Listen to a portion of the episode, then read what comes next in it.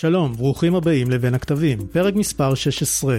במסגרת הסדרה על השתנות צבאית, נדבר על רעיונות מרכזיים בספרות של השתנות צבאית. בין הכתבים סוגיות עכשוויות באמנות המערכה הצבאית צה"ל נמצא ברגע היסטורי של השתנות צבאית של מימוש תפיסת ההפעלה לניצחון ותר"ש תנופה. מטרת הפרק לצייד את לובשי המדים בכלים מקצועיים, בדמות יסודות תאורטיים והיסטוריים להבנת תפיסת ההפעלה, מימושה והשתתפות בשיח הביקורתי אודותיה. אני ליאור רשף, ואתם על בין הכתבים. נמצא עמנו סגן אלוף איתי חיימינס, ראש ענף פיתוח ידע מערכתי במרכז דדו. בין פרסומיך גם מאמר בגיליון האחרון של בין הכתבים שעסק בסוגיית עליונות בסייבר. אהלן. אהלן ליאור, מה שלומך? הרמטכ"ל בנאום השנתי במכון למחקרי ביטחון לאומי דיבר על מימוש תר"ש תנופה ותפיסת ההפעלה. במהלך 2019 קיימנו תהליך ארוך מאוד, ביקורתי מאוד, נוקב, על האופן שבו אנחנו צריכים להשתנות כדי להיות רלוונטיים וכדי להשיג את המשימות שלנו ואת הניצחון באופן יותר מובהק. גיבשנו תפיסת הפעלה, והיא בעצם המצפן המרכזי של התוכנית הרב-שנתית אה, תנופה, שאותה אנחנו כבר מזה שנה שנייה מוציאים לדרך. איתי, נתחיל רגע עם שאלה קיומית. למה צריך ללמוד השתנות צבאית? אז אני אענה על השאלה באמצעות אמירה של טרוצקי, שאמר לנו שבעוד שאנחנו לא תמיד מתעניינים באסטרטגיה, האסטרטגיה תמיד מתעניינת בנו. הרגע הנוכחי של הצבא הוא רגע של השתנות צבאית. ואנחנו רוצים לצייד את המפקדים והמפקדות בצבא בכלים כדי להבין את הרגע הזה שבו מצוי הצבא. היכולת שלהם להבין את הקשר שבין תופעות שבו שהם מזהים בסביבה שלהם קשורה קשר הדוק ביכולת שלהם ראשית כל לקבל את היסודות התיאורטיים וההיסטוריים הנחוצים לצורך כך ואני אהיה יותר רגע קונקרטי. כשאנחנו מדברים במסגרת תפיסת ההפעלה למשל על צבאות טרור המפקד או המפקדת לא יכולים להבין למה אנחנו מתכוונים אם לא נסביר להם ראשית את תהליך ההשתנות שצבאות הטרור עברו מארגוני טרור לארגוני גרילה למצבם הנוכחי היום שמהווה איום של ממש על צה"ל ועל העליונות הצבאית שלו. אם אנחנו לא נסביר למה וכיצד צה"ל הצליח להיתקע בפרדיגמה שאולי לא רלוונטית מבחינת הפעלת הכוח שלו, אז לא יהיה ברור לאותם קצינים וקצינות למה אנחנו חייבים להחליף פרדיגמה בהפעלת הכוח. ללא ההבנה של התפיסה, אני גם לא בטוח שנוכל להתקדם לעבר השינוי הנדרש בהיבטי הארגון והטכנולוגיה. הדבר האחרון שהיינו רוצים זה שמפקדים ומפקדות בצבא ימצאו את עצמם בליבת תהליכי השינוי האלה, לוקחים חלק בדיונים ארוכים ומייסרים בנושאי תקציבים, פיתוחים טכנולוגיים, תרגילים ואימונים, ולא הבינו למה. אני מקווה מאוד שהקורס הזה שעוסק בהשתנות צבאית בראש ובראשונה ייתן להם את התשובה לשאלה הזאת. למה? אני אוסיף ואומר שבסופו של דבר היכולת שלהם להבין את התהליך הזה שהצבא עובר בימים אלה וימשיך לעבור גם בשנים הקרובות זה חלק מהותי מהמקצוע הצבאי. זה חלק מהותי ממה שהופך אותם למקצוענים בתחום שלהם כקצינים בצבא. עכשיו, דיברת על אה, גם שיח ביקורתי.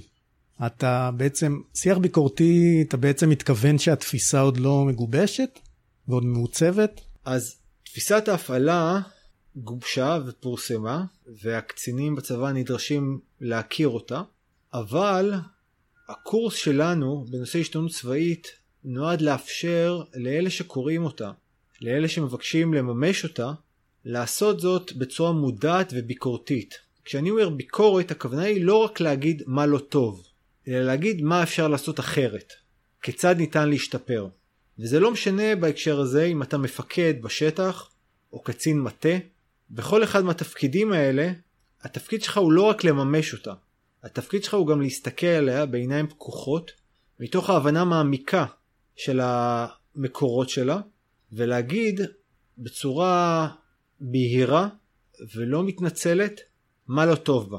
מה ואולי צריך ה- ויכול להיות אחרת. ואולי השתנות צבאית זה תהליך אה, מתמשך שלא נעצר אף פעם, ולא נעצר בתפיסת הפעלה הזאת, אלא ימשיך. וכדי שהוא ימשיך, אז המפקדים צריכים לקחת בו חלק. לגמרי ליאור, אני מקבל מאוד את ההמשגה שלך.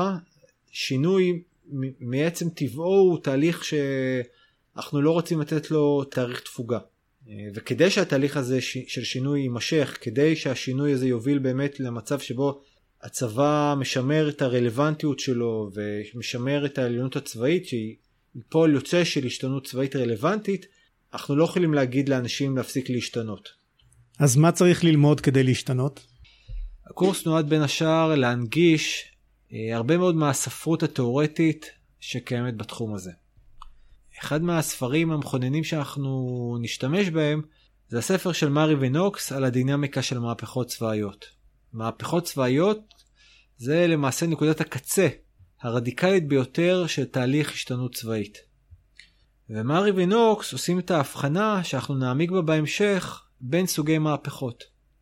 בין מהפכות טכנולוגיות, חברתיות, אזרחיות, אותם כוחות היסטוריים שבאמת באמת אנחנו לא משפיעים עליהם, לבין מהפכות בעניינים צבאיים, שזה כבר המקום שלנו, של הקצינים, של לובשי המדים, לתרגם את אותם כוחות היסטוריים ולהפוך אותם למשהו קונקרטי שהצבא יכול באמצעותו לנצח.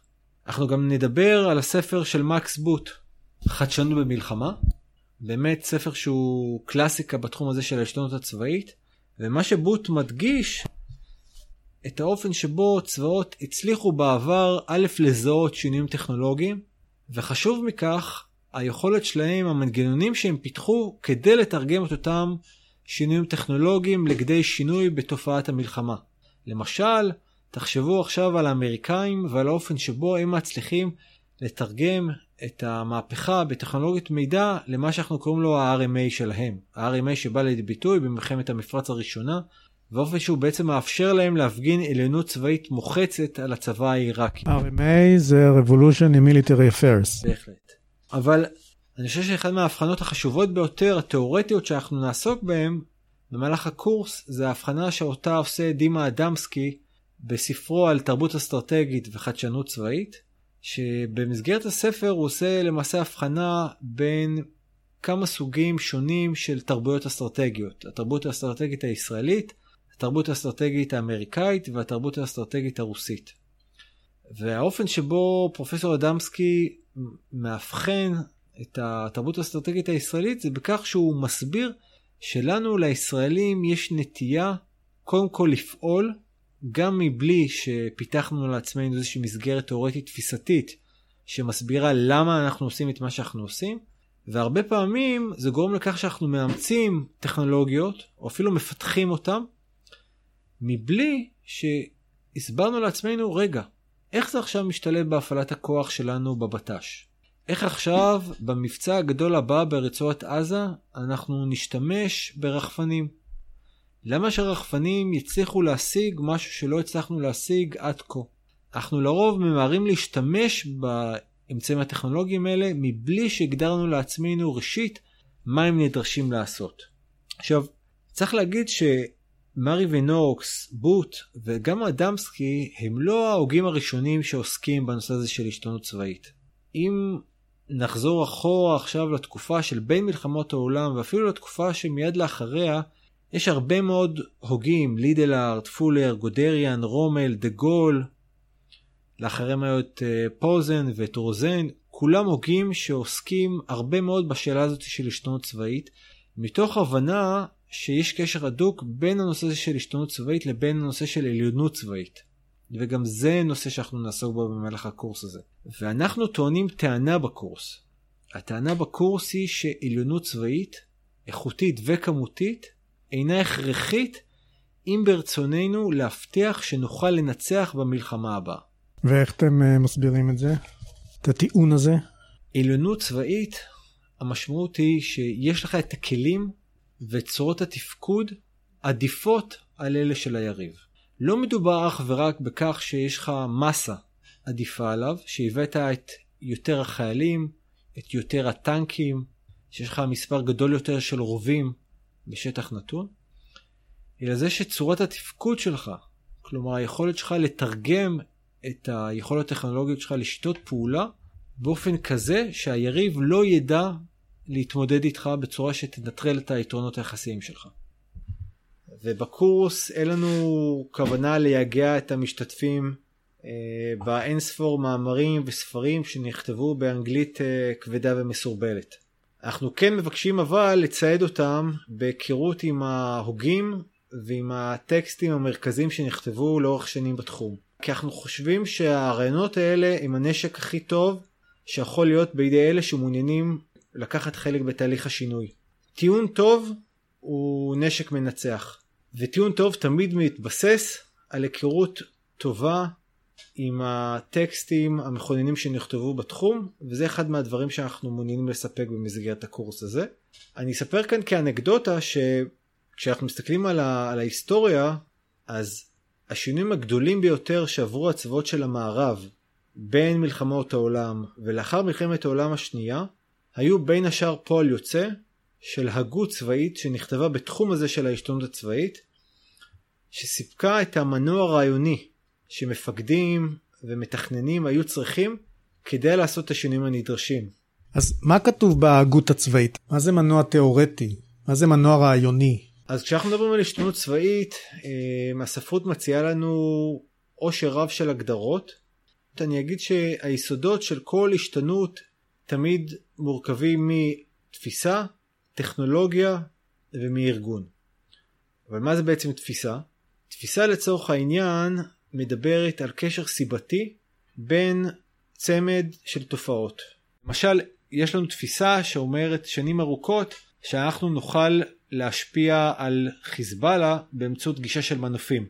אבל כשאני אומר תפיסה, אני בעצם עושה קצת חסד איתה. כי אני לא בטוח שאנו, שאנחנו אי פעם באמת ניסינו לברר האם יש קשר סיבתי בין הפעלת כוח כלפי כתובות מדינתיות, בין אם הם בסוריה או בין אם בלבנון, לבין היכולת של אותן כתובות מדינתיות באמת לעצור את חיזבאללה. להפעיל מנגנון סיום. או כן, או לחייב אותו למשל למנגנון סיום מסוים, או אפילו אם הם רוצים בכך בעקבות הפעלת הכוח.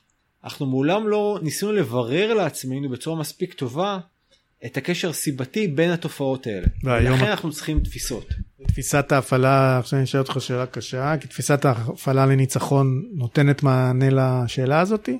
כן, היא קובעת קשר סיבתי בין שיפור במכונת המלחמה הצבאית, היא מציינת שורה של תהליכים בבניין כוח שצריכים להתקיים, ושורה של שינויים בארגון של הכוח הצבאי, אבל גם מציעה מספר רעיונות חדשים לגבי האופן שבו נפעיל את הכוח, למשל רעיון של מהלומות רב-ממדיות ותמרון רב-ממדי, והוא מסבירה למה בשונה מבעבר, הפעלת הכוח באמצעות התפיסות הללו, באמצעות שימוש בכלים החדשים שהצבא מתכוון לבנות, כן תוביל אותנו למצב שבו חיזבאללה, כדוגמה שהשתמשנו בה קודם לכן, לא יהיה חזק ולא יהיה בעל יכולת לאיים עלינו ביום שאחרי המלחמה למשל. וכדי להתווכח עם התפיסה הזאתי, אתה טוען שצריך ידע תיאורטי והיסטורי בעצם. כן, כי אם עכשיו אתה נכנס לדיון למשל בחטיבת המבצעים, בחטיבה האסטרטגית, ואתה רוצה להתווכח עם התפיסה שגישת המנופים כבר לא יכולה לספק לנו מה שתמיד קיווינו שהיא תספק, שזה ריסון של חיזבאללה, וזה שהוא יסכים להפסיק להתעצם או אפילו לירות רקטות עלינו ביום שאחרי המלחמה. אם אתה לא תהיה מודע לכך שזו התפיסה הקיימת כבר במהלך השלושים שנה האחרונות, ולא הצלחנו באמצעותה להביא לתוצאה מיוחלת, היכולת שלך להגיד משהו ביקורתי בצורה משמעותית ופרודקטיבית, כי אני אומר שכל עוד אין לך תיאוריה ואין לך הבנה של הקשר הסיבתי בין תופעות, היכולת שלך רגע להסתכל ולהגיד למה מה שעשיתי עד עכשיו לא עבד, היא מאוד חסרה. למה? אתה מעולם לא ניסחת לעצמך למה פעולה מסוימת שלך צריכה לגרום לאיזושהי תוצאה. Mm-hmm. אתה יכול לתת לי דוגמה רגע מעשית אז מההיסטוריה? ה- כן, אז הדוגמה המעשית היא, הדוגמה המעשית הכי טובה לדעתי, היא הנושא הזה של הכתובות המדינתיות. זאת אומרת, לצה"ל היה איזושהי תפיסה כבר שנים מאוד ארוכות, שאומרת בואו נתקוף את הריבון הלבנוני או הריבון הסורי, ותקיפת הריבון הסורי והלבנוני תוביל אותו לאכוף את רצוננו על חיזבאללה. אבל אף פעם לא שאלנו את השאלה למה שהתקיפה שלו תגרום לו לעשות את זה, ואף פעם לא שאלנו את השאלה האם זה שאנחנו נתקוף אותו יאפשר לו בכלל לעשות את זה. אז אם אין לנו את התפיסה שעונה על השאלות האלה, איך אנחנו יכולים רגע להסתכל על התפיסה של עצמנו ולבחון אותה בעיניים ביקורתיות. אבל... אז למה השתנות צבאית קורית? הספרות התאורטית בנושאים, בנושא של השתנות צבאית מבחינה בין מהפכות לבין מהפכות בעניינים צבאיים. הטענה היא שיש קשר סיבתי בין התופעות האלה. מהפכות ככלל זה שינויים רדיקליים לא צפויים שלנו כבני אדם ההשפעה שלהם היא מוגבלת. זה בעצם התלכדות של כוחות היסטוריים ותהליכים ארוכי שנים שלרוב אנחנו לא צופים בהם וההשפעה העניינית שלנו עליהם היא מאוד מוגבלת. אני אתן לך דוגמה, תחשוב למשל על המהפכה הצרפתית. תחשוב למשל על הקמת המדינה המודרנית. המהפכה הצרפתית שהביאה להקמת הצבא, נכון, למטה הכללי והצבת הצבא במבנה כמו שאנחנו מכירים אותו נכון, היום. נכון, לצבאות ההמונים. או, והמדינה המודרנית שלראשונה בעצם מאפשרת לנו לחשוב בצורה קצת יותר בהירה על הנושא הזה של האינטרס הלאומי ועל ההתלכדות של צבאות לטובת אותו אינטרס. ואני חושב אבל שבעשרות שנים האחרונות המהפכה הגדולה שמלווה את עולמנו זה המהפכה הטכנולוגית של טכנולוגיית המידע. לצבא בהקשר הזה, לצה"ל, לא היה תפקיד דרמטי בקיומה של המהפכה, אלא היה עוד שחקן אחד מיני שחקנים רבים, שיכול להיות שבפעולותיו השונות תרם להתממשותה. אבל לצבא כן יש תפקיד חשוב במהפכה בעניינים צבאיים. מהפכה בעניינים צבאיים בהקשר הזה זה מהפכה שקורית גם ברובד התורתי התפיסתי, גם ברובד הארגון וגם ברובד האמל"ח, וכאן יש לנו כלובשי המדים תפקיד מאוד חשוב בלתרגם את המהפכה הגדולה הזאת שעליה דיברתי, המהפכה הטכנולוגית, ולתרגם אותה באופן קונקרטי לשינויים בכוח הצבאי. למשל, הנשק המדויק בשנות, תחילת שנות ה-80, שהוביל ל-RMA האמריקאי. נכון, זו דוגמה טובה, והיא דוגמה טובה מבחינה. ששמעתי אותה בפודקאסט אה, הראשון של בין הכתבים כמובן. זו סיבה אפילו יותר טובה להגיד שהיא טובה. היא דוגמה טובה ליאור משום שהיא מאפשרת לנו לראות איך לובשי מדים מזהים פוטנציאל טכנולוגי ומבינים כיצד ניתן לחבר פוטנציאל טכנולוגי לתפיסה שאמורה לענות על אתגר שקיים. באמת, כאן יש לנו מצב שבו אנחנו כלובשי מדים זיהינו את המהפכה הגדולה שקורית בעולם והבנו כיצד ניתן לממש אותה באופן שיעזור לנו כלובשי המדים לעשות את עבודתנו בצורה טובה יותר, להיות יותר אפקטיביים מבחינה צבאית. אוקיי, okay, אז הסברת שהשתנות צבאית קורית כאשר יש מהפכה גדולה יותר אה, חברתית, טכנולוגית, והצבא בעצם יודע ללכוד אותה אל מול ולהיעזר בה אל מול האיומים שיש לו, או הצרכים שיש לו. נכון, זאת אומרת, זה, זה, זה באמת היכולת שלנו כ, כמפקדים ומפקדות, א', להיות מודעים לקיומה של המהפכה הזאת, ושתיים, להיות גם מודעים ליכולת שלנו לרתום את הכוחות המגולמים בה לטובת הצרכים שלנו, לטובת הצרכים של צה"ל, ואז לקדם תהליך ההשתנות. עכשיו ההשתנות חייבת בראש ובראשונה כמובן לקרות קודם כל ברובד התפיסתי.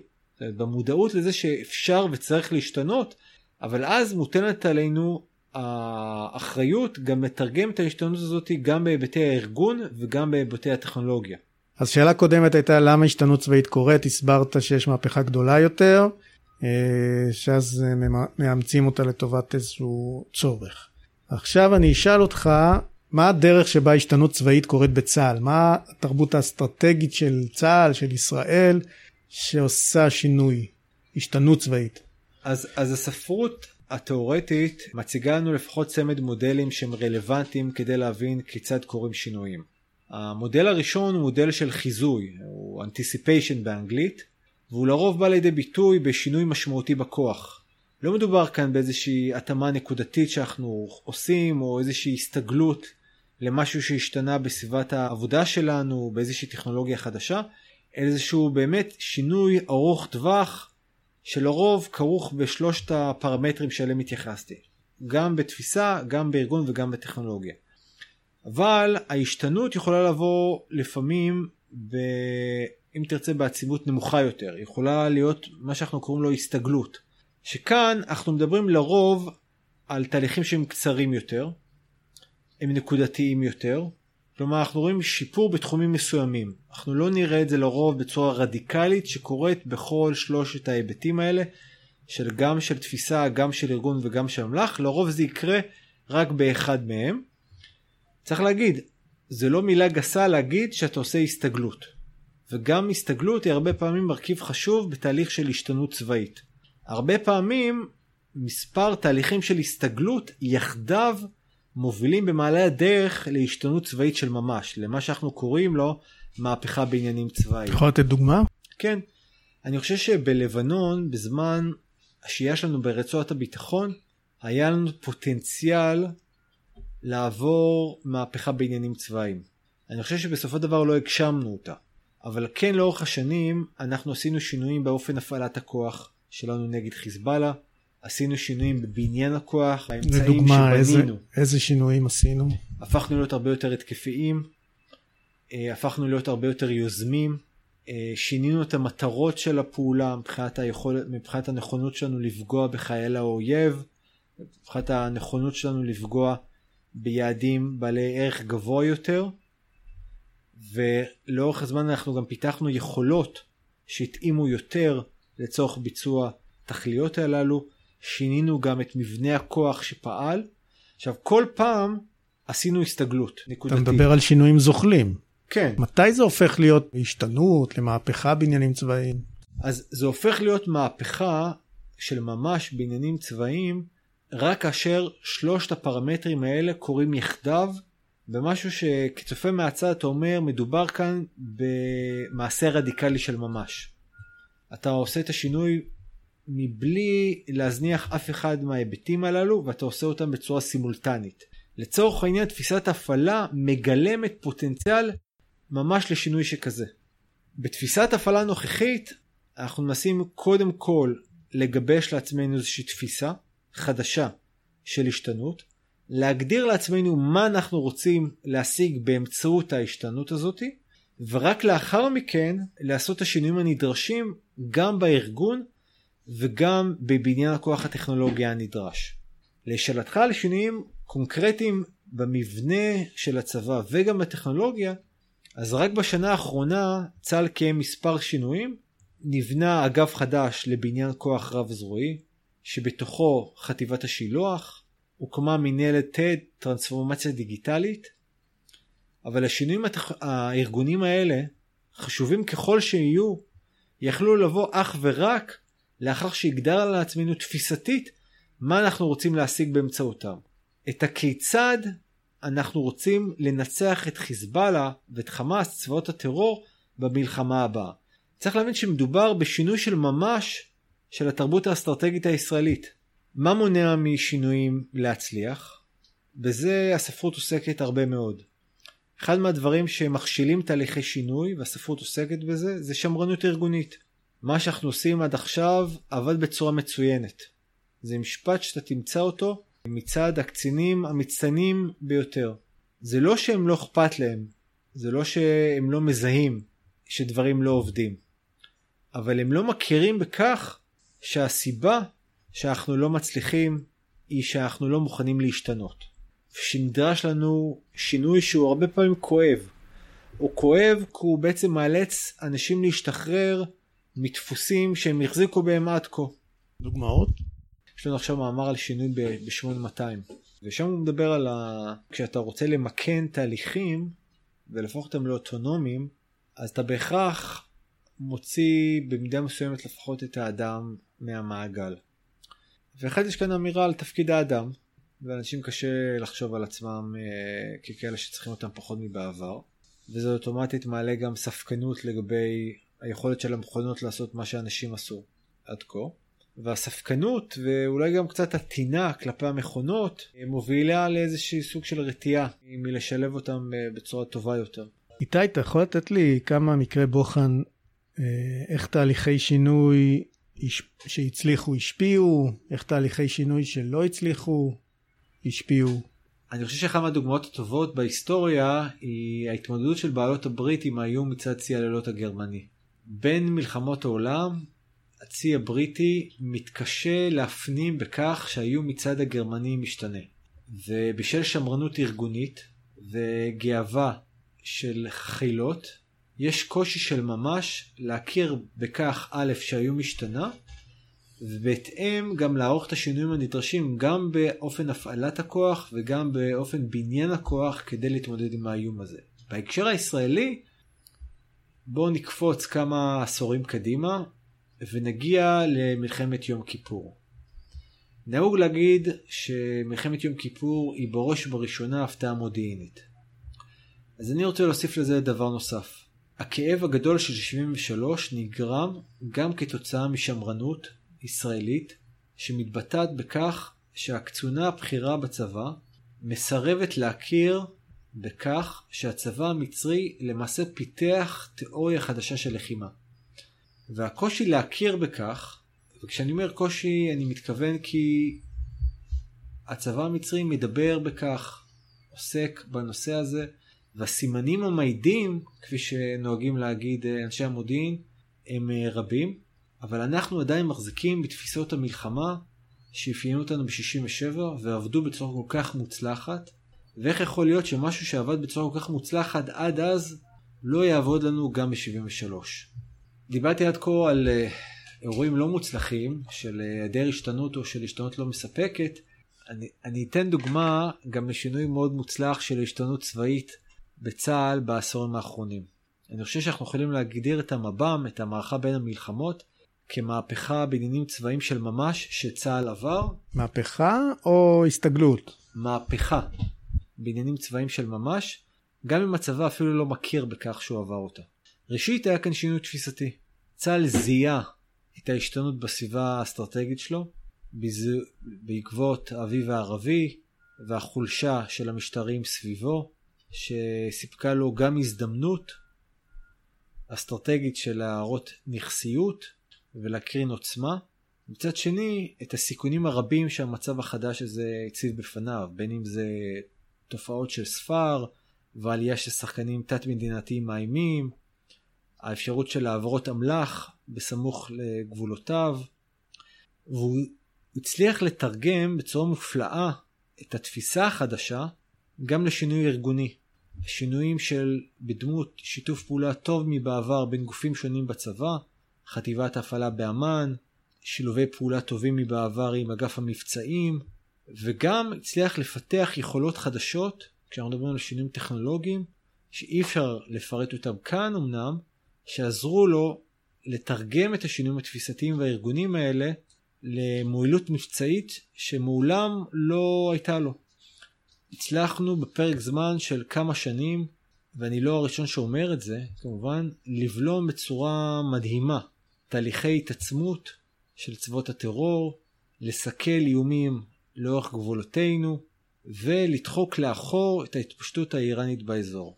בנוסף לכך הצלחנו להראות לשותפים באזור, בין אם זה מצרים וירדן ובין אם זה מדינות המפרץ שרק לאחרונה חלה התקדמות של ממש ביחסים איתם, הצלחנו להראות להם נכסיות אה, שבוודאי תרמה לשיפור היחסים הנוכחי, וכל זה כפועל יוצא של המב"ם. אז אה, איתי, לסיום, תן לנו איזה טיפ של אלופים, איזה כללי אצבע לסוכן השינוי. אז סוכן שינוי קודם כל צריך לענות על השאלה למה, והתשובה הזאת צריכה להיות לא, לא ברורה. הוא צריך להבין למה מה שקורה עכשיו לא עובד בצורה מספקת, בצורה מספיק טובה, והוא צריך לדעת להסביר למה השינוי שהוא מציע אמור להוביל לשינוי המיוחל. אבל זה לא מספיק. הוא גם צריך לדעת לתרגם את השינוי שהוא מבקש לעשות לכדי צעדים קונקרטיים גם בהקשרי הטכנולוגיה וגם בהקשרי הארגון. וחשוב מכך, הוא צריך לדעת לשכנע שהשינוי שהוא מבקש לעשות הוא חלק חיוני מתחרות הלמידה שלנו נגד האויב. האויב לומד אותנו, הוא מכיר אותנו, והוא נשען על יסודות היסטוריים ותאורטיים משל עצמו. זה האמל"ח המרכזי שיש לו. ואם אנחנו לא נהיה מצוידים ביסודות האלה, היכולת שלנו לנצח את האויב בתחרות הלמידה תהיה מוגבלת מאוד. סגן אלוף איתי חיימינס, תודה רבה. תודה לך ליאור. תודה לאיתי חיימינס, עורך בין הכתבים, לתת אלוף ערן אורטל, מפקד מרכז דדו, אני מפיק ומגיש ליאור רשף. להשתמע.